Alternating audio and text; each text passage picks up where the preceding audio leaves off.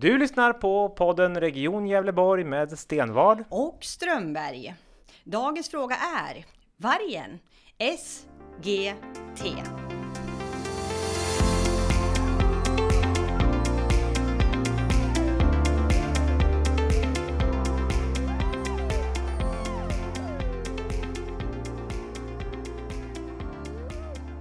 Välkommen till vårt tredje avsnitt. Idag ska vi eh, samtala kring en eh, mycket kontroversiell fråga, nämligen vargen. Och till vår hjälp har vi bjudit in Mårten som ska få berätta om sina egna upplevelser, hur det verkligen är att leva i Gävleborg tillsammans med vargen. Välkommen Mårten! Tack så mycket. Eh, som du säger Camilla, det här är en fråga som berör många och eh, framförallt kanske i vårt län. Där vi har många som bor på landsbygden, verkar på landsbygden och den kombinationen med mycket varg är såklart problematiskt.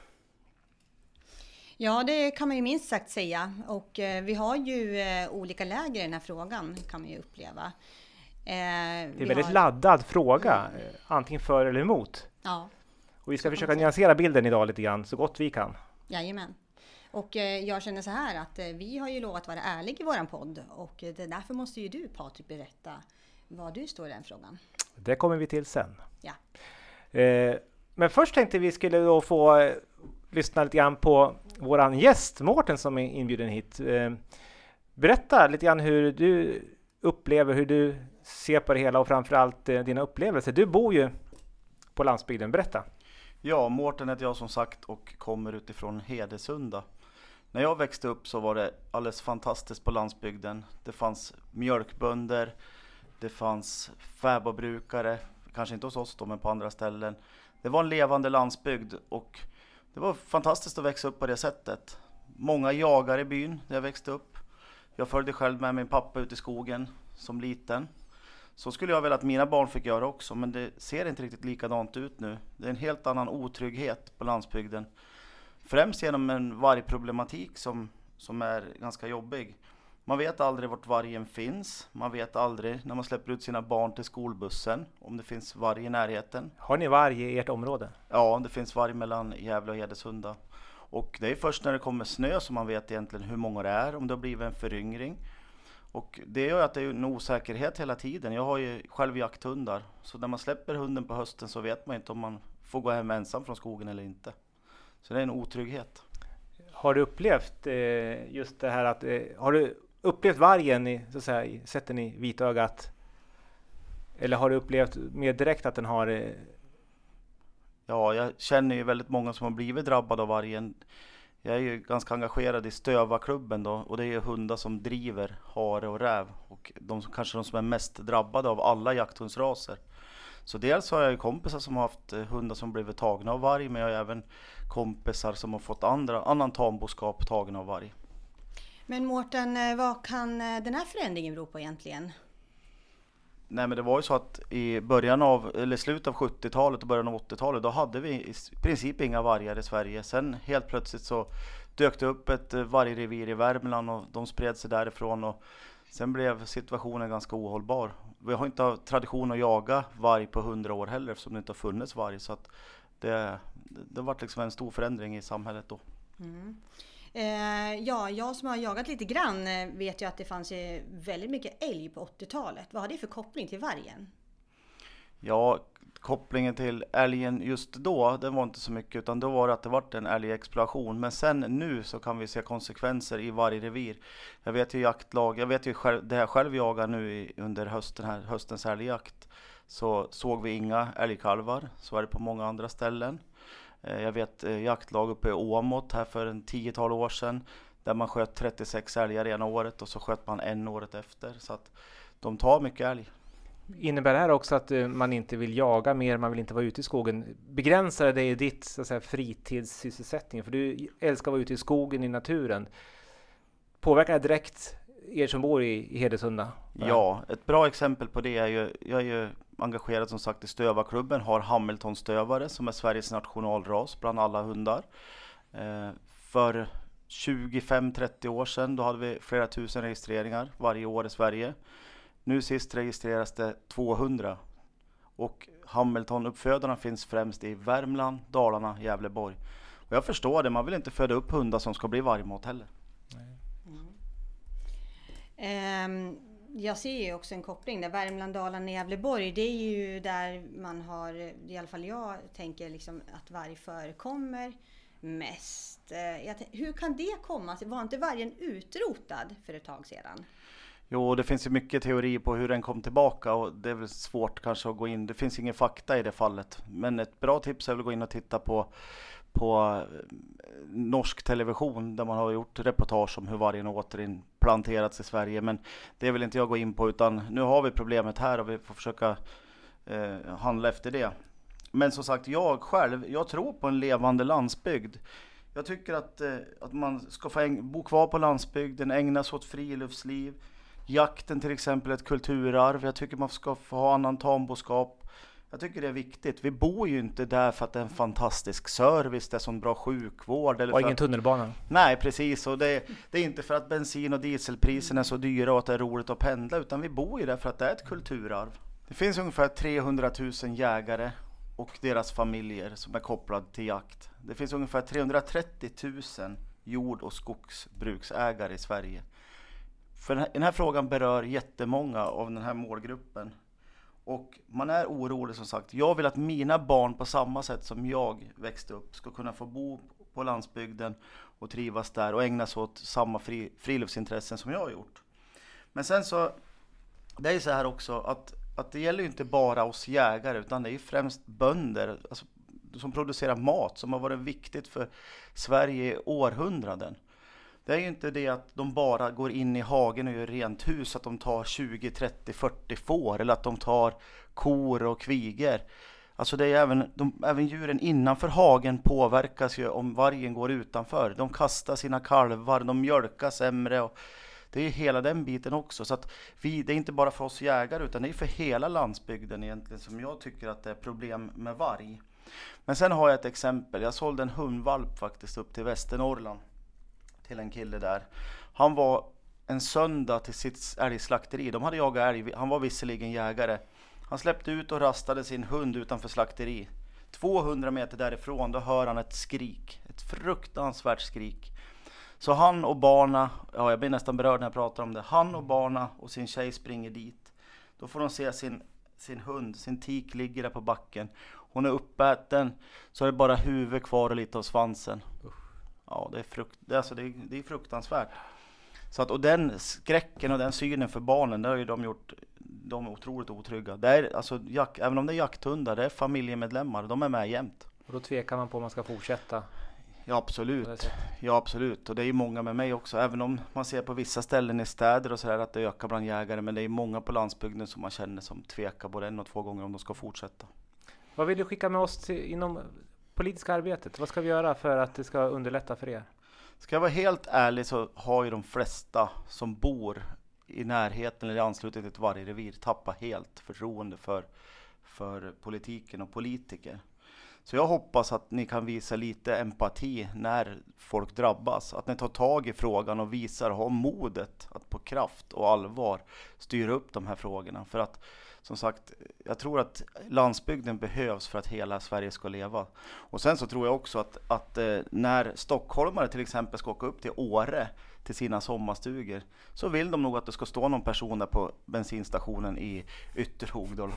Men det är inte säkert att den gör det om några år eftersom, som sagt, återigen, det är inte för den goda servicen på landsbygden de står där. De står där för att de älskar sin levnadsstil och sitt, sina friluftsintressen. Tack så mycket Mårten för att du kom hit och berättade eh, dina erfarenheter och din syn på det hela och eh, även skicka med oss en eh, bra råd inför vårt fortsatta arbete. Tack. Ja, det där var ju en gripande och självupplevd berättelse. Jag som själv har bott ute på landet kan ju känna igen en del som Mårten beskriver. Eh, Har ju sett varg på riktigt och det är ju en ganska... eh, man- Man blir för det första chockad och sen eh, tänker man vad var det jag såg? Jo, det var en varg, för den var enormt stor, den vargen. Hur ser man skillnad på en varg eller hund? gick ju inte att ta miste på att det var en varg. Eh, ja, jag vet ju hur schäfrar ser ut och man kan ju likställa utseendet med det. Ehm, de har en ganska stor käft.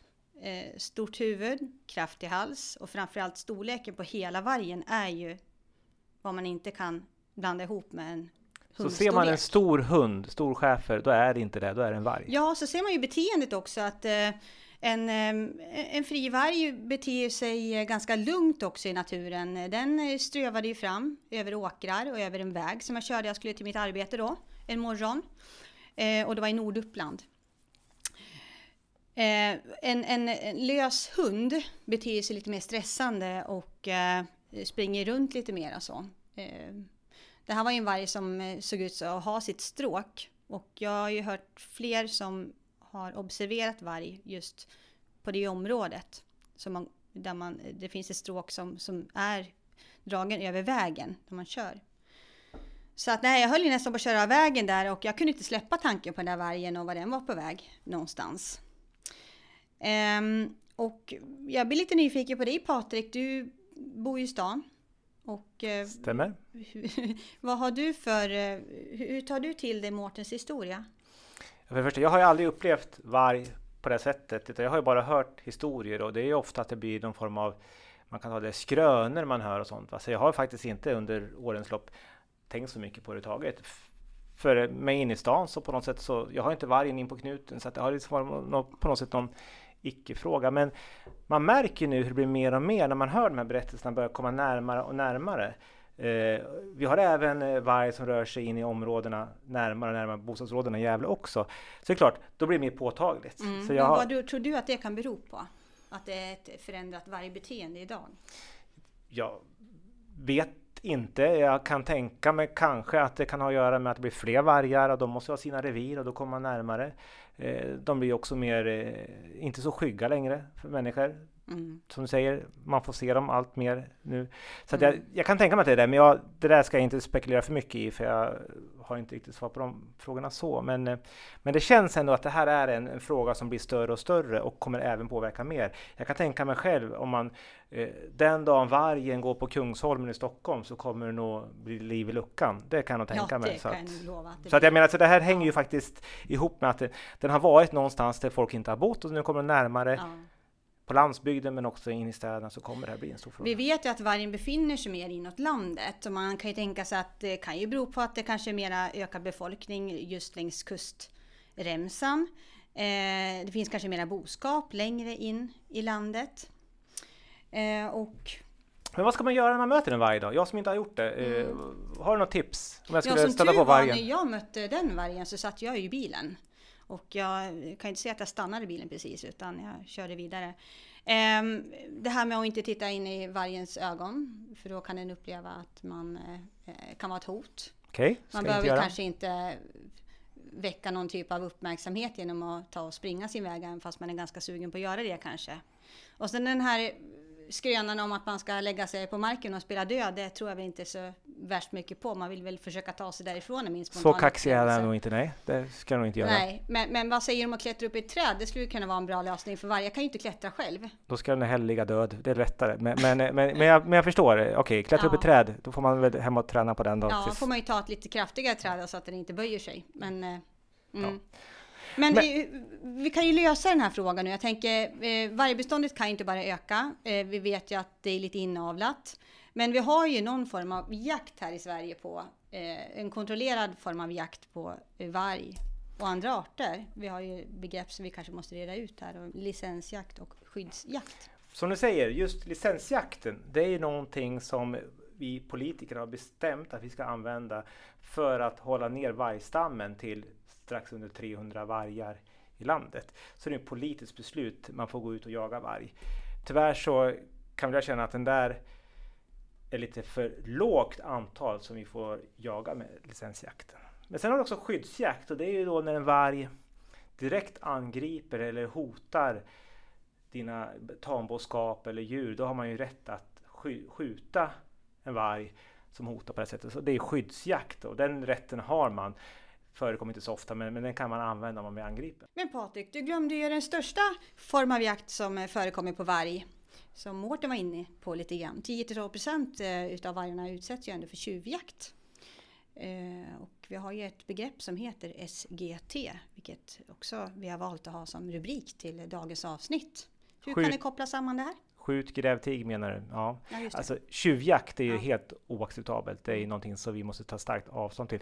Men jag tror det är en konsekvens av att vi inte har en licensjakt som fungerar. Att vi har för många vargar och det finns ingen acceptans ute på landsbygden för den. Då tar man saken i egna händer. Det är väldigt allvarligt. Så att jag menar, det är ett skäl för oss att faktiskt ta den här frågan på ännu större allvar. Och det gör vi moderater i högsta grad.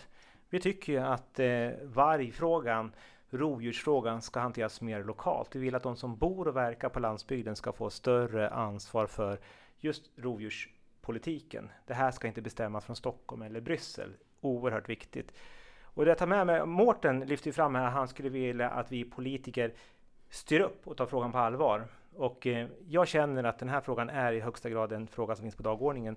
Vi hade partistämma här för en, någon vecka sedan och då var ju frågan uppe och det finns ett starkt stöd inom Moderaterna för att just den politik som vi har eh, och också att utöka licensjakten. Mm. Ja, för vi vet ju att vargbeståndet ökar och eh, det är ju ett eh, problem för våra landsinvånare, framförallt eh, eh, de som bor ute på landet. Och gör inte vi någonting som politiker så eh, kan det bli en tendens till att vi tar saker, saker i våra egna händer. Absolut. Mm. Ni har nu hört vårt tredje avsnitt eh, som handlar om vargen. Vi har hört Mårtens självupplevda berättelser och vi har svar på de frågor eh, gällande vargen. Vi har tydliggjort var vi står i den frågan rent politiskt som rör vargen och eh, hur den frågan påverkar oss som bor i Gävleborg. Vi har ju inte bara sjukvårdspolitik utan vi är ju länspolitiker Patrik och det här är ju en viktig fråga som rör hela vårt län. Absolut, och vi kommer återkomma till andra frågor som är såklart inom hälso och sjukvården men också andra frågor. Så. Och vill man vara med och spela in vad vi ska ta upp nästa gång eller framöver så gå in på sociala medier. Där heter vi M Gavleborg och eh, skicka kommentarer så ska vi se vad vi kan ta upp och prata om på nästa avsnitt. Och nästa avsnitt kommer Camilla. Om cirka fyra veckor. Bra, vi syns då. Hörs då! Tack för att ni lyssnat.